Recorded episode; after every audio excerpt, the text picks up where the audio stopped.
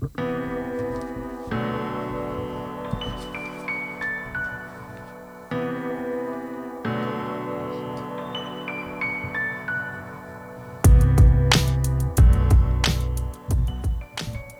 dag skal det handle om en bok som er mye mer enn bare en bok. Den er et fenomen som de fleste kjenner, selv om det er over 200 år siden den ble skrevet av en ung dame.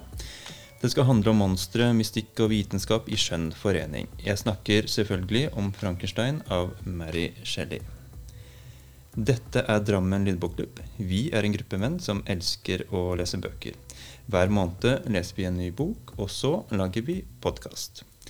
Og nå har vi altså lest boka om vitenskapsmannen Viktor Frankenstein, som bygger en menneskelignende kropp og greier å gi den liv. Han ville løse gåten om livets opphav, men det han gjorde, var å skape et monster. I sitt eget bilde, kan man kanskje si. Og kanskje kan vi si det samme om kunstig intelligens. Har vi mennesker nå skapt oss et nytt Frankensteins monster? Det skal vi komme tilbake til. Men før vi starter Mitt navn er Tor Bjarne Christensen. Atle Nesheim. Torbjørn Faber Geirbo. Erlend Staberg. Petter von Krogh. Og vi er altså Drammen lydbokklubb. Vi har laget en hel drøss med podkaster om spennende forfattere som Judith Herman, Thomas Korsgaard, Mathias Fallbakken, Annie Ernaux og flere andre. Du finner dem på Spotify. Månedens bok er altså 'Frankenstein' av den engelske forfatteren Mary Shelley. Den ble utgitt for lenge siden, i 1818, og den ble først, først utgitt anonymt. Mange trodde at det var Marys mann, forfatteren Percy Shelley, som hadde skrevet boka. Men i 1823, nøyaktig 200 år siden i år, kom den i en ny utgave. Og denne gangen sto det at Mary Shelley var forfatteren. Det samme året ble det også laget en teaterversjon som ble en stor suksess. Men hvordan endte vi egentlig opp med å lese denne grøsseren, Torbjørn? Det var du som eh, foreslo boka? Ja, nei, det er jo som vi var inne på. Frankenstein er et eh, kulturelt referansepunkt. Eh, men utover på at plott i historien, så og på de kjente bildene av monstre som vi kjenner fra TV og sånn, så visste jeg egentlig ikke så veldig mye om den. Og derfor tenkte jeg at jeg gjerne ville lese boka. Vi skal snart snakke mer om monstre og gale vitenskapsmenn, men først må vi høre litt mer om forfatteren. Petter, hvem var denne Mary Shelley? Ja. Mary Wollstonecraft Shelley var en britisk forfatter, altså. Best kjent for nettopp Frankenstein, den moderne Prometheus. Hun ble født 30.8.1797 i London, og var datter av filosofen og forfatteren William Goodwin og feministen Mary Wollstonecraft. Hun hadde en uvanlig og ofte utfordrende livshistorie. Hun mista moren sin tidlig i livet og vokste opp blant intellektuelle og progressive kretser. I 1814, da hun var 17 år gammel, møtte hun den romantiske dikteren Percy Bysshe Shelley. De forelsket seg og reiste sammen til Europa, og etter flere personlige tap og turbulente hendelser så skrev Mary Shelley Frankenstein, og den ble utgitt anonymt i 1818. Romanen er betraktet som et av de tidlige mesterverka innenfor science fiction og gothic-litteratur. I tillegg til Frankenstein så skrev Mary Shelley også andre romaner etter hvert, inkludert The Last Man og Matilda, og også noen noveller, skuespill og reiseskildringer. Mary Shelley døde 1.2.1851, og det er Frankenstein som har blitt stående eh, som en skikkelig klassiker og har inspirert utallige tilpasninger i ulike former, og inkludert teater, film og andre kunstneriske uttrykk. Ja, så forteller hun en ganske merkelig historie da forlaget ber henne om å skrive hvordan ideen til Frankenstein eh, kom til henne. Hva, hva er det som skjedde, Petter? Nei, altså, Percy Shelley, mannen hennes, var jo en ganske kjent forfatter, og, og, mange som du nevnte, trodde jo at det var uh, Percy som hadde skrevet boka også. Men det som skjer, er at uh, pga. dårlig vær så blir uh, Percy, Mary og bl.a. lord Byron og andre prominente litteraturvenner av dem litt sånn isolert inne. Og for å få tiden til å gå, så blir de enige om å eh, konkurrere litt om å skrive den beste grøsserhistorien, eller spøkelseshistorien. Og de andre gutta de blir litt lei ganske fort, mens Mary selv hun har jo kommet opp med ideen til Frankenstein og blir oppmuntret av Percy til å fortsette på den. Og bruker jo da flere år på å fullføre denne historien, da, som jo har blitt en klassiker.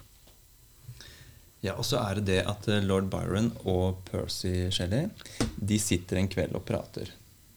Eh, og så kommer de inn på bestefaren til Darwin, og at han skulle ha gått rundt med et, et sånt glass med, med, en sånn pasta oppi. En kokt pasta. Det høres veldig rart ut. Men så skal den uh, pastaen ha begynt å leve, på en måte. da. Og da kan jeg se for meg at den liksom begynte å mugne, eller det ble noe soppvekst eller noe sånt. da. Og det, det hadde de sittet og snakka om, om hvordan livet, livet, oppstår. da, ikke sant? Store mysteriet. Og det har denne dama ligget og tenkt på. Så hun skriver da om natta. Eh, jeg så med lukkede øyne, men med et skarpt indre syn, den bleke gransker av de okkulte kunster, der han knelte ned ved siden av tingen han hadde satt sammen. Jeg så et grufullt syn av en mann som lå utstrakt, lik en dødning, og dernest hvordan en slags maskin ble satt i gang og syntes å blåse liv i skikkelsen, slik at den begynte å røre seg med usikre, liksom bare halvt levende bevegelser. Frankenstein ble altså skrevet på begynnelsen av 1800-tallet i romantikken. Hva har det å si for form og uttrykk i denne fortellingen, Erlend? Ja, det er jo en sånn typisk eh, roman fra romantikken. Eh, skrevet i en sånn brevform i egentlig flere omganger. skal jeg si. Men skriver, han skriver jo til Walton, der, som er på et skip, som skriver til sin søster, egentlig. Eh, og så fortelles jo i, i, de indre tanker gjennom den brevformen. Og det var en sånn klassisk variant å skrive på for å få fram indre, indre følelser, skal jeg si. Før man egentlig var vant til å skrive i jeg-form. ikke sant? Det gjorde man jo ikke tidligere. Og så er det jo en romantisk skildring også, med mye reisebeskrivelser, naturskildringer mye overflødige skildringer, vil jeg kanskje ha sagt i dag. Jeg har ikke lest den før her, som var nylest for meg. Eh, men likevel en, eh, en fascinerende historie. da. Det blir jo sagt at hun på en måte starter en ny sjanger. altså at det er, Dette er den første science fiction-boka som er skrevet. Tenker du om det? Ja, jeg kalte det jo en brevroman. Den kan jo passe som det også. Eh, og så har jeg jo kalt det over en gotisk roman. Altså Som henter inspirasjon tilbake fra middelalderen som gjerne handler om en ja, litt sånn eh, ekstra ambisiøs hovedperson som er opptatt av mystikk, det litt okkulte, eksotiske. Og akkurat denne kan jeg også kalles en science fiction, en veldig tidlig en. Så både en sånn gotisk roman, en av de aller første science fiction-romanene, og en, eh, en utvidelse av skrekkroman, som vi kjenner igjen i dag. Så egentlig litt, kan plasseres i flere sjangere, egentlig, men alle henger jo sammen her, da. Boka den har fått en tilleggstittel, og den er kanskje ikke like kjent. Den heter jo da 'Frankenstein' eller 'Den moderne Prometheus'. Men Atle, hvem er denne Prometheus? Ja, da må vi tilbake til gresk mytologi. Eh, og Prometheus han var en titan. Og han var eh, mye sammen med disse forskjellige gudene. Og han ble stadig bedt om både råd, og han eh, var også med eh, Sevs da Sevs skulle få kontroll over Olympus. Eh, og man kan blant annet, Det er flere som har skrevet om han, eh, men eh, bl.a. også Platon, som mange har hørt om, har skrevet i dialogen Protagoras. Eh, og der nevnes det også at Prometheus at han skaper mennesket, og det gjør han av leire. Eh, og det går også en annen myte der, dette at eh, Prometheus skulle gi alle dyrene og menneskene forskjellige egenskaper. Men når han kom til menneskene, så hadde han gitt bort alle egenskapene til dyra. Eh, så da hadde han ingenting å gi. Eh, men da fant han ut at han kunne jo gi det ilden. Og dette var jo ikke særlig populært hos gudene. Eh, og han ender opp å bli straffa. Han blir lenka til en søyle i Tartarus. Eh, og hver dag så er en av Sefs gribber der og spiser opp leveren hans. Så, og så gror den over i løpet av natten. Så det høres ut som en ganske fæl straff. Eh, I romantikken så blir jo Prometheus en populær skikkelse. Og Mary Shelley bruker jo dette da som en slags versjon av denne myten. Eh, og hun er ikke den eneste i romantikken som er opptatt av dette. Både mannen hennes, Percy Shelley, lord Byron, Goethe og en rekke musikere og malere og diktere fra romantikken tar opp det her som et tema. Og han har til og med fått et grunnstoff oppkalt etter seg. Prometium. Da får vi ha med oss uh, dette når vi nå snart skal forsøke å forstå oss på Shelleys fortelling. Men først så skal vi snakke litt mer om selve historien.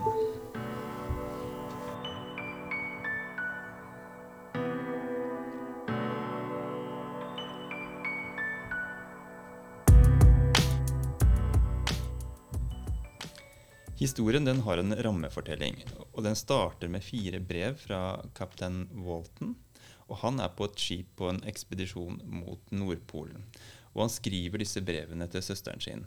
På vei innover i isødet så fryser båten fast, og da får mannskapet se et merkelig syn, Torbjørn. Ja, det er hundrevis av kilometer fra nærmeste fastland. Men så likevel så dukker det opp en menneskeskikkelse ute på isen. De ser at der i det fjerne så er det noen som beveger seg på en, ja, truk, på en slede trukket av hunder. Og det er jo en enorm mann da, som er langt, langt unna. Han forsvinner av gårde, men eh, bare et par timer senere så kommer det, dukker opp en ny mann. Det er en litt mer vanlig størrelse. Han eh, flyter på et isflak, eh, og der eh, sitter han også med, i en slede som er trukket av hunder. Og han tar de da om bord. Ja, og da viser jo det seg at det er Viktor Frankenstein. Og han har en besynderlig historie å fortelle om hvordan han skapte et monster som han nå forfølger. Ja, eh, Viktor Frankenstein er jo en vitenskapsmann. Han er fra en gammel familie fra, fra Genéve. Han ble tidlig opptatt av alkymi og leste de gamle mesterne Agrippa og Paracelsus. Så drar han da som ung mann til Ingolstadt i Bayern for å studere. Og det er her i Ingolstadt at han skaper monstre. Ja, og da, da, bygger han rett og slett et menneskelignende vesener, vesen av knokler, muskler, hud og indre organer. Og man kan jo bare tenke seg med alle nervetråder og, og, og blodårer og litt av hvert hvilken jobb det må ha vært. Eh, og det, materialet det samler han fra likhusene, fra disseksjonsrommet og fra slaktehuset, faktisk. Og han holder på i flere måneder. Men hvorfor gjør han dette, Torbjørn? Ja, Han er i utgangspunktet inspirert av liksom, ideer fra alkymistene. Altså, han er opptatt av spørsmål om, store, spørsmål om hvor, hvor livet er sitt utspring. Han sier jo bl.a. at for å finne ut årsakene til livet, må vi først skaffe oss viten om døden. Så han, ja, han bruker da, dager i, og netter i gravkammer og likhus og gransker oppløsningen av lik og ser på overgangen fra liv til død. Ja, det blir jo en besettelse for denne mannen. Og mens han holder på med dette, så avsløres den store hemmeligheten. Altså han blir også da i stand til å blåse liv inn i livløs materie, og da blir eh, monsteret til. Og da er vi jo ved et høydepunkt i denne fortellingen. Og vi må nesten høre litt, Petter, hvordan dette foregår når, når Frankenstein gjør dette store underet. Det var en dyster aften i november at jeg nådde målet for alt mitt slit og strev. Med en angst som nærmet seg smerte, samlet jeg livets instrumenter rundt meg, slik at jeg kunne blåse inn en gnist av levende eksistens i den livløse tingen som lå for mine føtter. Klokken var allerede ett om natten, regnet hamret trøstesløst mot vindusrutene, og mitt kjertelys var på det nærmeste nedbrent da jeg så i skimmeret fra det nesten sluknede lyset at skapningens mattgule øyne åpnet seg. Den pustet tungt, og en slags krampetrekning satte lemmene i bevegelse. Og slik greier altså dr. Frankenstein å skape liv. Og man skulle jo tro at han ville glede seg over denne fantastiske vitenskapelige triumfen, men det er det motsatte som skjer.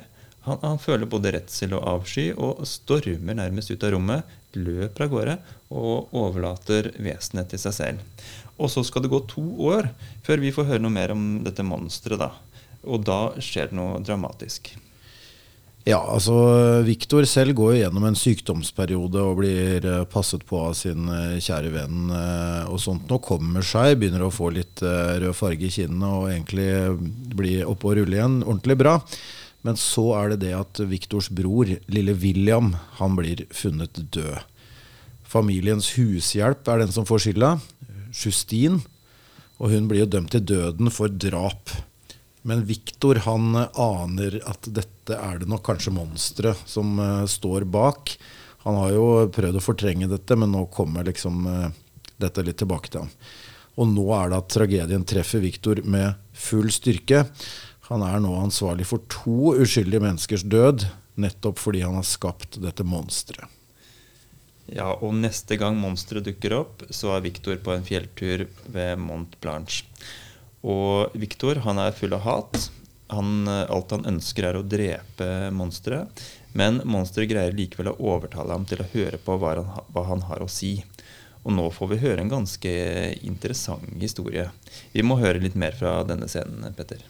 Ja, det er det da monsteret som snakker, da. Tro meg, Frankenstein, jeg var innstilt på gode gjerninger. Min sjel glødet av kjærlighet og medmenneskelighet men er jeg ikke ensom og alene, sørgelig ensom? Du, min skaper, avskyr meg. Hva kan jeg da håpe på fra dine medskapninger, som ikke skylder meg noe som helst? De hater og forakter meg. De øde fjellstrekninger og de golde isbreer er mitt tilfluktssted.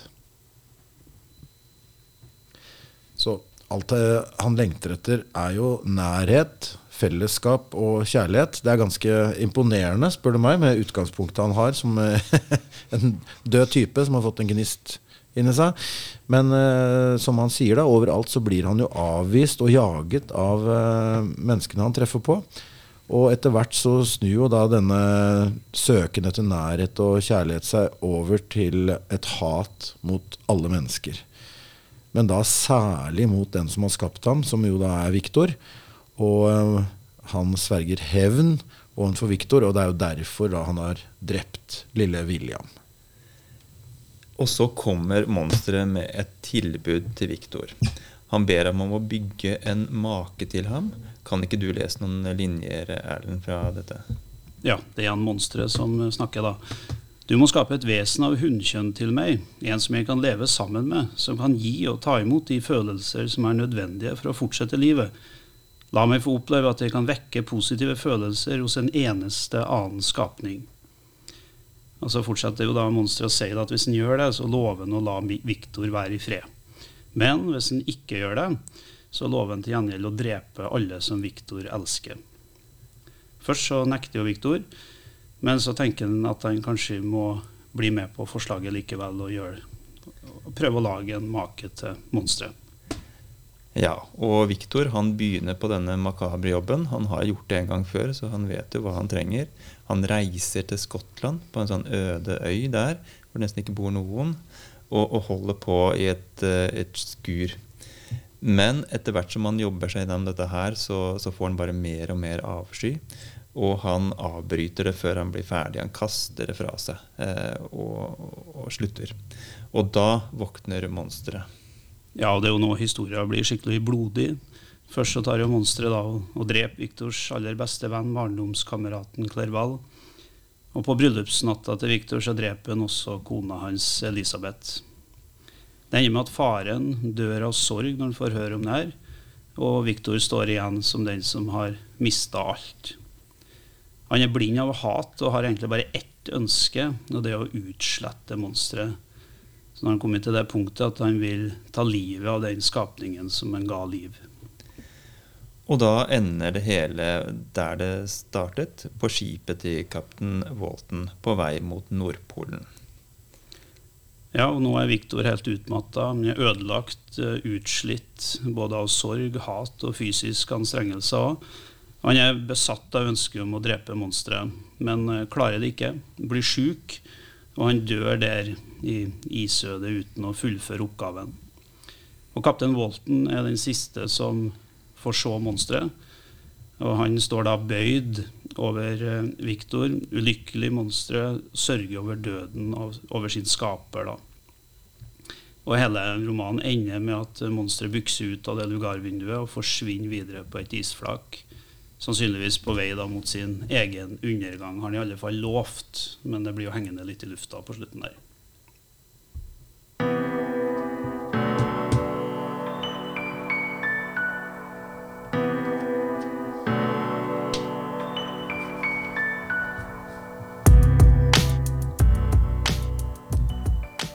Dette er altså en 200 år gammel bok, og folk leser den fortsatt. Det er laget filmer, tegneserier og drøssevis av teateroppsetninger. Og seinest denne høsten, hvis dere så det, så, så, ble Frankenstein satt opp på Oslo Nye Teater. De skal spille det i morgen, faktisk. Men hva er det med denne historien som fortsatt fascinerer nye generasjoner? Jeg tenker jo at, eh, litt som vi snakka om i, før sending her, at den tapper jo egentlig inn i noen av disse grunnmytene som vi finner både i mytologi og flere av religionene, og har forskjellige myter om dette her hvor mennesket på et eller annet punkt, eller det som er skapt, setter seg opp mot sin egen skaper.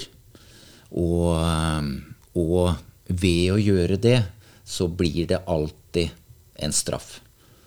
Og, og det er vel det som da her òg skjer med Viktor som får denne Ja, hvor han plutselig så skjønner han at det han har satt i gang, det aner han egentlig ikke hva er for noe.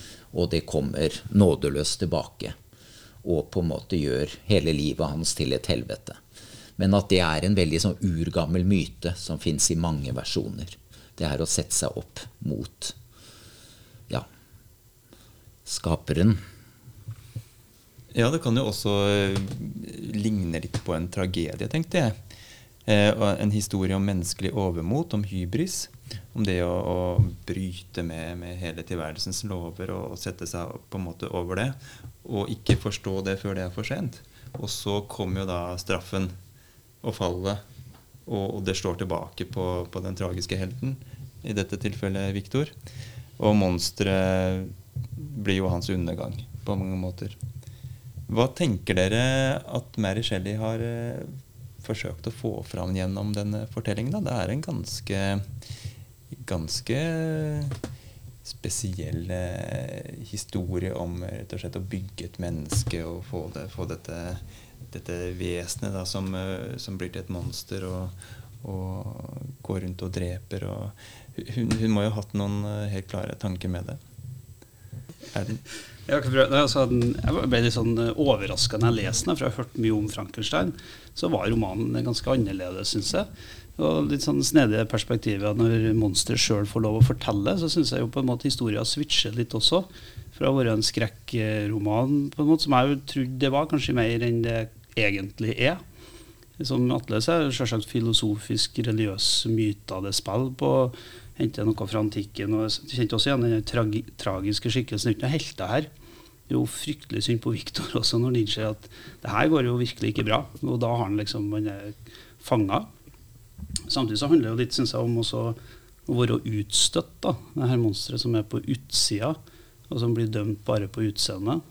Så jeg syns jo synd på monsteret også. Så begge får på en måte sympati, og det er ingen som er direkte ond her. Mye er gjort ut av god vilje. Men så blir det bare feil, da. Litt sånn som eh, vi mennesker ofte, ofte gjør det. Men kan det tenkes at altså, Hvem er egentlig monsteret her, tenkte jeg på.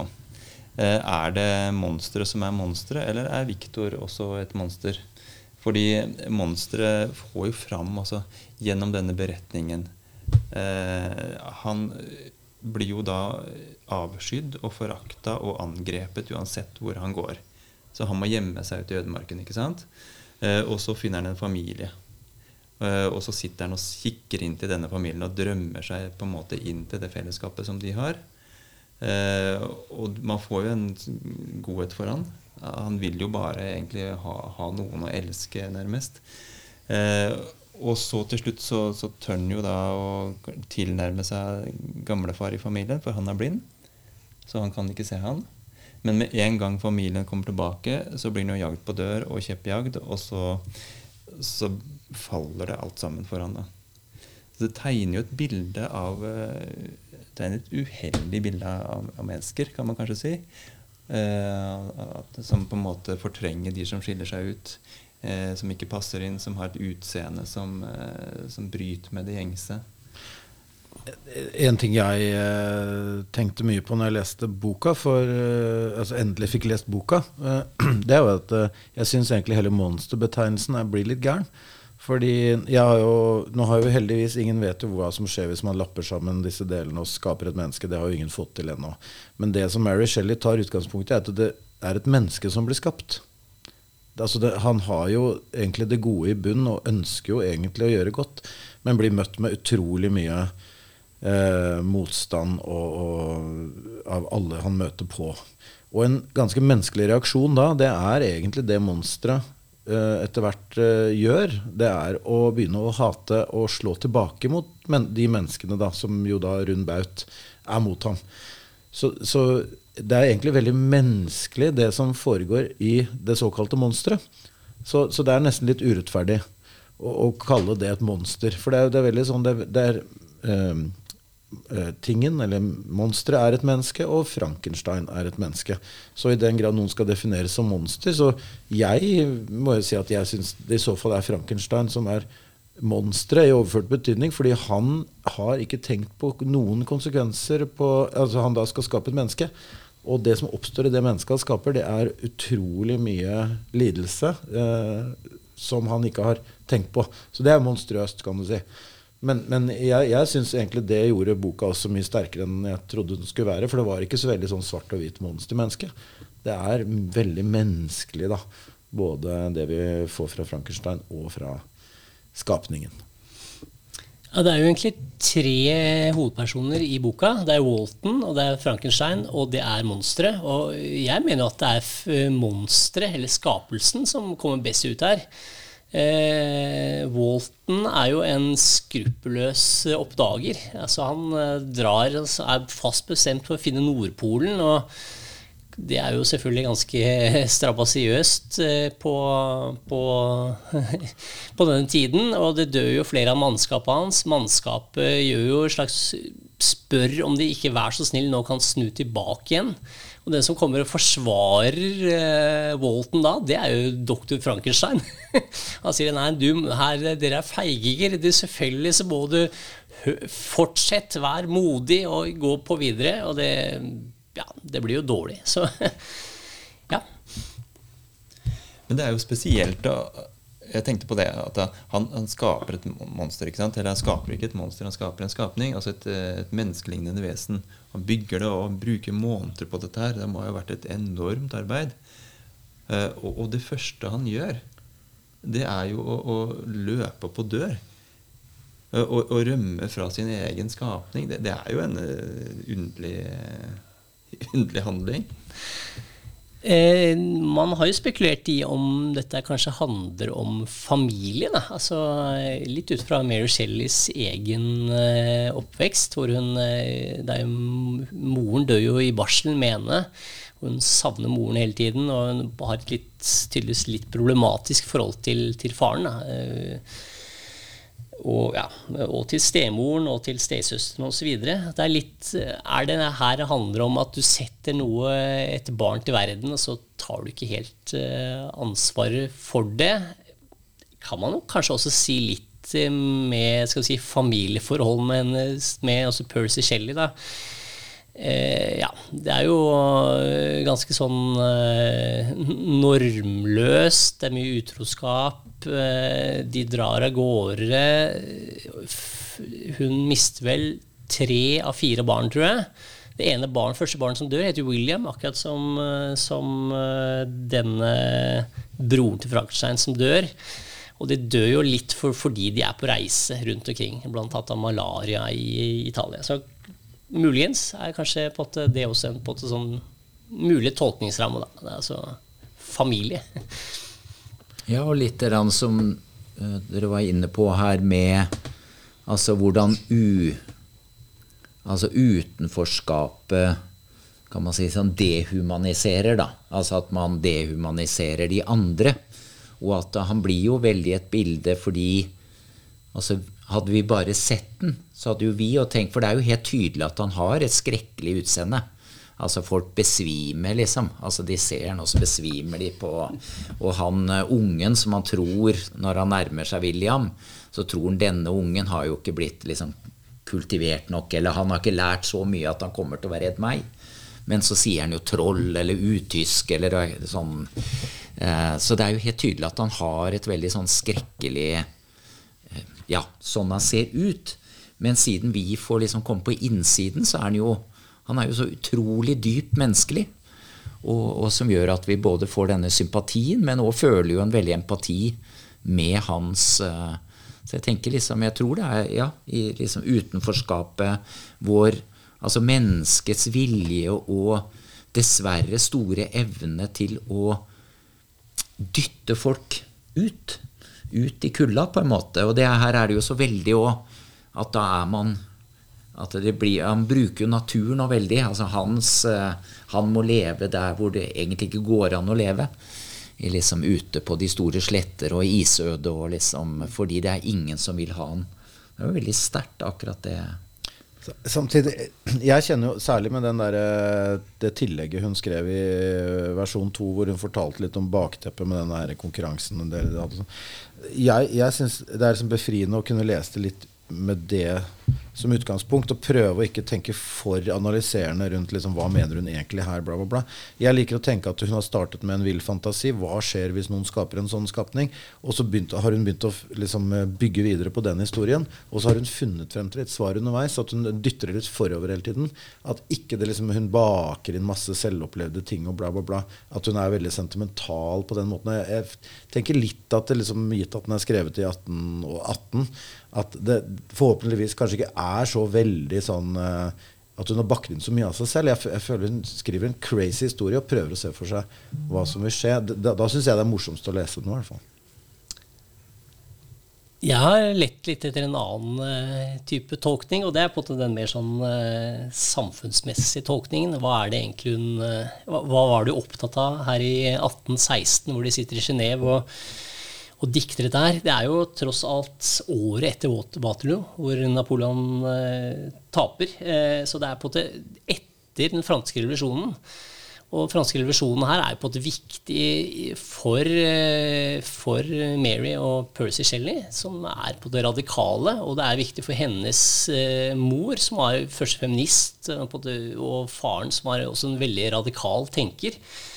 Så eh, jeg har på en måte vært på jakt etter den tolkningen. altså Hva sier, sier eh, Frankenstein egentlig noe om, om, om, samfunnet? Og når man på en måte er på jakt etter noe, så finner man det selvfølgelig. Og, men eh, ja, det er noen ting som på en måte peker på at det også ligger litt eh, i, i teksten her. Altså det, det skjer i Genéve. Eh, det er der hun dikter, men det er også der hvor Frankenstein holder til. Det er da revolusjonens idémessige far, Jean-Jacques Rousseau, var fra var fra Genéve. Ingolstadt er også et, sånn, et, sted som har en sånn eh, betydning med en sånn antiautoritær bevegelse. Waltons ferd gjennom det frosne eh, Russland og Frankensteins jakt gjennom eh, Russland, det kan ligne på Napoleons katastrofale tilbaketog gjennom Russland om vinteren i 1812. Og så er det noe med at William myrdes et sted, på, på et bestemt sted som er omtalt, hvor det fins en, en moment over Rousseau, og et sted der på at flere politiske henrettelser har foregått under revolusjonen.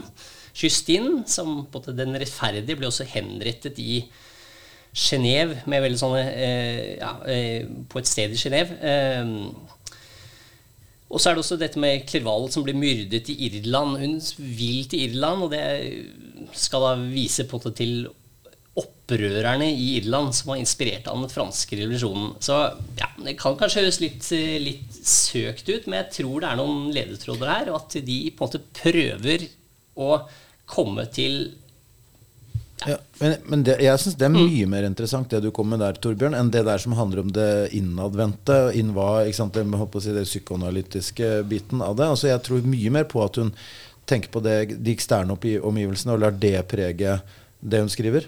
Uh, ja, jeg, jeg, velger i hvert fall å følge den mye lettere enn at det skal være så veldig sånn altså, selvopplevde og tolkninger uh, som går nedover da, eller, eller innover. Mm. Ja, Nei da, fordi det var nok et behov for disse her å på en måte komme til få et grep om den franske revolusjonen, som de i utgangspunktet var veldig for. Altså menneskerettigheter, kvinnerettigheter, oppheving av slaveriet, arbeiderrettigheter, demokrati med mer. Men de, de, ser jo hva som, går, hva som skjer. Det blir jo et terrorvelde ut av det hele. Og de har jo vært også på reise gjennom Frankrike og ser på en måte at her er det hungersnød i kjølvannet av dette her, og det har skjedd mye forferdelig. Men på en måte, hva er det hva er svaret vi gir på det? da? Så det, den tolkningen på at jeg har funnet, ja, som er én mulig, det er jo at, liksom at Frankenstein handler om de øvre klassenes umenneskeliggjøring av underklassen. Altså slik, eh, slik Frankenstein umenneskeliggjør dette stakkars monsteret. Og på den voldsomme, men helt forståelige ja, reaksjonen som kommer fra underklassen mot overklassen. For underklassen er jo da, sånn som monstre, eh, i utgangspunktet godt og vil bare godt. Og det monsteret og underklassen, med litt dannelse, så blir jo veldig empatisk og dannet. Og de, de, de ja, Slik liksom det monsteret da på at du ser på denne familien den, eh, i denne hytta, som Tor nevnte i sted. og Monster leser jo Goethe og klassikere som John eh, Miltons 'Paradise Lost' og eh, blir veldig empatisk og veldig god og veldig veltalende. Men altså Han blir jo gjentatte ganger ikke hørt på. Victor hører ikke på han. Og da blir det blodig til slutt. Og sånn var det kanskje også med, med de underklassen. De, de sa dette går ikke, la oss være så snill. Vi, vi, gi oss noen bedre rammer, så skal vi være gode og bidra. Men det skjer ikke. Så jeg tror på at Shelleys budskap kan være at vi, vi, skal ikke tilbake igjen til det som var før revolusjonen, gamle eh, orden. Men vi må på en måte prøve å rette opp de urettferdighetene som eh, er i samfunnet. Hvis ikke så vil vold komme tilbake igjen. Men hva sier det om en eh, altså Denne boka ble skrevet av for over 200 år siden, og her sitter vi med litt forskjellige forklaringer og tolkninger, og Torbjørn har sin, og, og og det finnes også flere andre måter å lese denne boka på. Hva sier det om et uh, litterært verk? Da? At, uh, at, man kan komme til det og få såpass uh, forskjellige tolkninger ut av det. For den er ikke helt sånn Du må ha, en del sånn forkunnskap da, for den, å ha den tolkningen du har, Torbjørn. Men, mens de andre tolkningene jeg har vært inne på, er kanskje mer sånn opp i dagen. Ja, Det var en kjempekvalitet med romanen. Jeg ble litt overraska når jeg leste den. At den var såpass god. Altså, jeg har flere lag. Men så leste jeg litt om den også, så noen sånne politiske tolkinger. Så skjønte jeg at den er nytolka på 70-tallet i feministisk retning. Litt som du sa, den eh, familierelasjonene, eller at det var en fødsel. ikke sant, Og at Viktor egentlig hadde en fødselsdepresjon når han ble sjuk. så det kan leses veldig innenfor eh, kvinnekampen også. Jeg tror det kan åpnes for flere tolkinger. Du var jo veldig ung når du skrev den. da. Ikke sant? Så på en måte imponerende det òg, syns jeg. At jeg mm. klarer å holde tråden så lang så godt. Ja, Hun skriver også i dette foreordet, da, eh, hvor hun eh, forklarer om eh, hvordan hun kom til å skrive dette, at hun, hun er datteren til to forfattere. Hun har alltid skrevet, alltid fantasert og alltid liksom vært opptatt av å fortelle historier. Så tror jeg det er en sånn genuin historieforteller da, vi har med å gjøre. Jeg ser for meg at hun har liksom bygd en sånn fantasifortelling, og så har mm. den blitt mye mye større. Men, men så har det også vært spekulert i det. har liksom denne Percy Shelley mannen hennes hatt en finger med i spillet. Han var jo veldig opptatt av Promathevs. Eh, lord Byron, som jo var en kjent skikkelse og en sånn slags ledende figur i, i miljøet, eh, han eh, var jo naboen deres i Genéve da de bodde der. Altså, har, har dette miljøet hun, hun, var en del av, også bidratt inn i boka? Det er det mange som har spekulert i. I og med at hun var så ung. Men jeg tenker jo der at det er jo interessant, og det skriver hun jo om i forordet, vi var litt inne på det, men det er jo liksom én ting er jo Men dette er jo starten av både industrialismen, det er eh, altså opplysningstiden, på en måte. Det er inne her. Eh, det nevnes Eh, ikke sant? At naturvitenskapen er i ferd med å vokse fram. Du, I det hele tatt teknologien, selv om teknologien ikke er superfancy, så, så, liksom, så er det sånn punkt hvor det er helt åpenbart at nå begynner ting å skje. Og, og hun snakker jo om denne galvanismen, altså hvor de er på liksom Hvor de drar og ser på en som holder på med elektrisitet, inn og får eh, døde dyr til å begynne å bevege seg og sånne ting. Så det er jo liksom en eller annen Det er et eller annet som er i tiden, tror jeg. Her. Akkurat som vi jo lever i en tid inn i det digitale, hvor det er veldig sånn mye bøss og det er mye snakk om ikke sant, hva skjer. Og jeg, og jeg tipper jo Og så er det jo helt åpenbart at hun, selv om hun ikke har denne ut, liksom, Hun har ikke denne feite utdannelsen bak seg som alle de rundt henne har. Men hun er jo helt åpenbart et utrolig oppegående menneske som leser masse, og som tar inn over seg liksom alle disse tingene. Både alt hun kommer over av litteratur, og hun og tar inn disse tingene.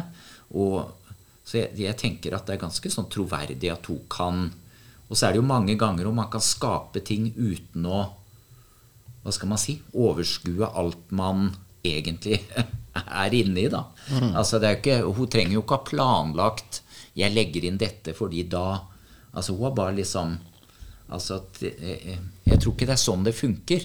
Men gode historier de kan leses på mange måter i ettertid. Altså, Jeg tror ikke hun har sittet og planlagt at hun skal lage en historie som skal fortelle dette, men skal gjøre det på en skjult måte. Men hun har vært opptatt av alle disse trådene. Og i disse trådene så ligger disse tinga her. Ja, og nå har vi fått kunstig intelligens. Og da er det jo mange som har trukket fram denne Frankenstein-historien igjen. Eh, og det er kanskje ikke så rart, fordi det, det kan jo være et monster eh, vi har skapt oss, som, som gjøre, vil, vil, ramme oss på samme måte som Frankensteins monster eh, gjør. Syns dere denne historien til Mary Shelley også kan passe i den settingen, med tanke på kunstig intelligens? Ja, altså jeg syns det passer kjempebra. Ja. Eh, og det, det, gjelder vel andre til Det er jo genforskning. Og for å holde litt nært det som faktisk skjer i Frankenstein også. Der er det jo ulike regelverk rundt om i ulike land, og det forskes jo ganske heftig på det med å forsøke å klone det ene og det andre. Ikke bare mus og sånn, men mennesker også etter hvert. Jeg tenker, jeg føler det, det, det, er liksom den enkleste parallellen å trekke når, eh, man, når vitenskapen går foran det humane, og man glemmer sin opprinnelse, egentlig.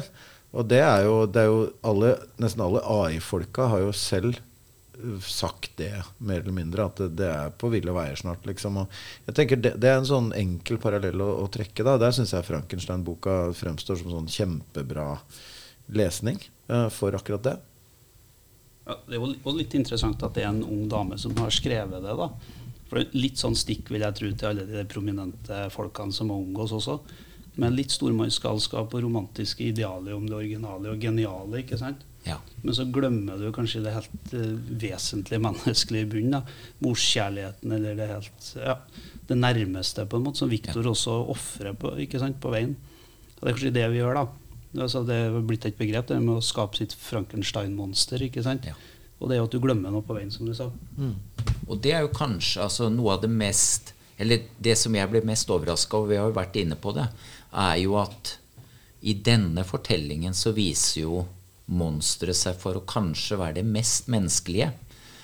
Der, og der tenker jeg jo at der, der er det sider ved kunstig intelligens som jeg er mye reddere for, fordi hele definisjonen av det menneskelige er i ferd med å forandre seg fordi maskinen er det vi måler oss etter.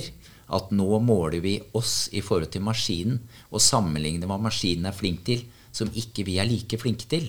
Og vi er mye mer opptatt av de tingene enn det som jeg tenker på Frankenstein. Da står jo plutselig som en eller annen Han søker jo fellesskapet. Han ønsker å høre til. Han ønsker å være en del av noe. Han vil ha en dame, eller ikke at det er så viktig, men at han vil ha noen han kan elske, og noen som ser på han med milde øyne. At det er liksom noe med Og, og, og, og er, der blir det jo plutselig For det som ja. Nei, er, jeg syns det er en spennende ja, altså, i, i, valget mellom Frankensteins monster og et tilsvarende AI-monster, så føler jeg valget er kjempelett. Ja. Det er Frankensteins monster. Ja. Fordi et AI-monster vil jo bare se målet og helt skruppelløst gå mot det målet. Er det maur eller mennesker i veien, så tråkker vi de bare ned, for vi skal dit. Mens uh, Frankenstein er jo propp, altså, unnskyld, monsteret Frankenstein, eh, til Frankenstein er jo proppfullt Ja. av menneskelige egenskaper som nettopp nestekjærlighet og nærhet og dette her. Ja. Og det, det er en vesensforskjell som er ganske Ja. tydelig. Ja, og så ligger det jo en vesensforskjell, tenker jeg, i at på ett nivå så tenker jeg at han er mer skapt ut av både nysgjerrighet, men også en eller annen villfarelse i. ikke sant? Han tar på seg noe som er for stort, eh, men han får det til. Men han overskuer ikke konsekvensen av det han gjør.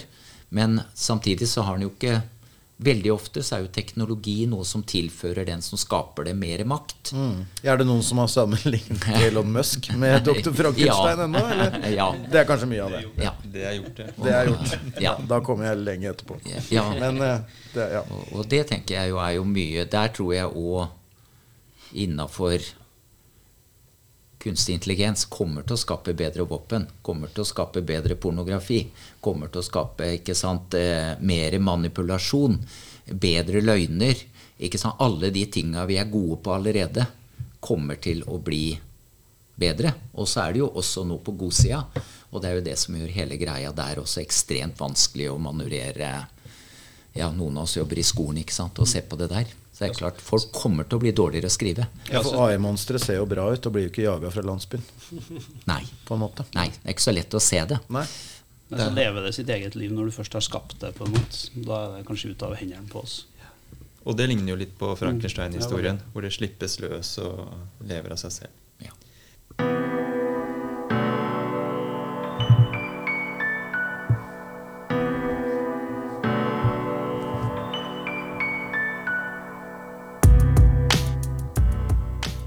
Og nå har vi kommet fram til dagens høydepunkt. Vi skal nemlig trille terning, men først må vi høre litt om hvordan denne leseopplevelsen var. Petter. Ja, altså jeg famla litt, fordi at uh, jeg hadde akkurat skrudd av abonnementet mitt på Audible, og som er lydboktjenesten vi pleier å bruke, alt det her, og der er det sikkert mange av dem, men så ble det sånn Ja, men det er greit, da må jeg ta det. På bokhylla.no, hvor det ligger masse norske versjoner ute, så syns jeg det var litt krøkkete, og så endte jeg opp med å kjøpe en sånn to dollar-greie på Amazon og lese på Kindle, da. Uh, og det var veldig ålreit. Og da fikk jeg også med den der brevet hennes, det nye utgaven og sånn, litt ekstra bonus og sånn. Eh, så det var ok. Og så må jeg innrømme at jeg, måtte, jeg fikk litt dårlig tid, så jeg måtte kjappe meg litt og lese. Så jeg supplerte da med litt sånne Cliffs Notes og YouTube-videoer med oppsummeringer og litt forskjellig. Så hvis analysene mine i dag er litt så som så, så kan jeg for så vidt skylde litt på det. Men, så det var en sånn hybridlesning for meg. Men, men jeg må si at jeg syns det var ordentlig moro å lese. Og jeg liker svulstige tekster, og det, det var de gode på på den tiden. Jeg eh, falt, eh, falt for dette, altså. Mm. Ja, jeg pleier jo normalt å bla i papirbøker, men denne gangen så hørte jeg den via Storytel. Ja, jeg syns det var en ordentlig god opplevelse å høre på. Den var veldig god å ha på øret. Ja, jeg hørte den på Audible på, på engelsk eh, med en innleser som heter Dan Stevens, og den kan jeg varmt anbefale. Veldig bra. Jeg jo hørte en norsk versjon på lydbok, og syns òg den var Den hadde òg med både denne forordet og Ja, jeg likte det veldig godt. Jeg hadde en veldig fin opplevelse. Jeg leste den jo for eh, sånn 20-30 år siden, og, og jeg var egentlig ganske skeptisk da dere trumfa igjennom, vil jeg si. At vi ikke skulle lese. Ikke lese Jon Fosse, som tilfeldigvis hadde fått No- Nobels litteraturpris. Det var jo bare 95 år siden forrige gang Norge fikk noe sånt. Har du hørt om Frankenstein? men da ble det monsterhistorie. Men så ble jeg sånn gradvis Jeg hadde litt dårlig utgangspunkt, jeg må innrømme det. Men gradvis ble jeg mer eh, interessert. Og så begynte jeg å lese om alkymister og Prometheus-myten. Og så det ble en sånn overbygning rundt det, da, med romantikk og lord Byron. Og jeg leser at Byron han, han oppretta en egen hær og dro og kjempa mot tyrkerne ikke sant, for Hellas. Det ble ganske sånn så, så stor og fin opplevelse for meg. det. Så, så jeg endte jo med å like dette veldig godt. Og jeg hørte den på lydbok, og jeg leste litt på papir. Og da, kjære lyttere, skal Drammen lydbokklubb trille terning. Petter, hvilket terningkast? Altså, man må sikkert gi seks til sånne bøker som det er, men, uh, fordi det er klassikere og sånn, men jeg sier fem. Det er lander også på fem. Det er en femmer på meg òg. Det, det, som trekker ned, er kanskje at det, det blir litt lenge med de svulstige innledningen. Men det er en femmer. Det blir en femmer her òg. En klar femmer fra meg også. Eh, og da betyr det at Drammen Lydbokklubb har gitt terningkast fem til Frankenstein av Mary Shelley. Vi er jo en bokklubb, og det betyr at vi skal velge en ny bok. Og det har vi jo ikke gjort. Nei. Så da blir det kanskje en Fosse, da. Ja, kan det ikke bli det, da? Ja, nå Nå bør det vel bli Fosse. Ja, nå er det greit. Nå er det Er det noen som har en, et forslag, da? Så da skal vi altså lese Jon Fosse, og boka er det andre navnet. Septologien 1 til 2. Bli gjerne med og les denne boka du også. Og på den måten så kan du være med i bokklubben vår og glede deg til spennende leseopplevelser hver måned. Vi skal runde av, og hva passer vel bedre da enn noen velvalgte ord fra Viktor Frankenstein selv? Han som avslørte hemmeligheten til livets utspring. Lær av meg, om ikke av mine formaninger, så i hvert fall av mitt eksempel. Hvor farlig det er å erverve seg kunnskaper på dette feltet, og hvor mye lykkeligere den mann er som tror at hans fødeby er hele verden, enn den som har stilt seg det mål å bli større enn hans natur vil tillate. Og med det sier vi takk for oss.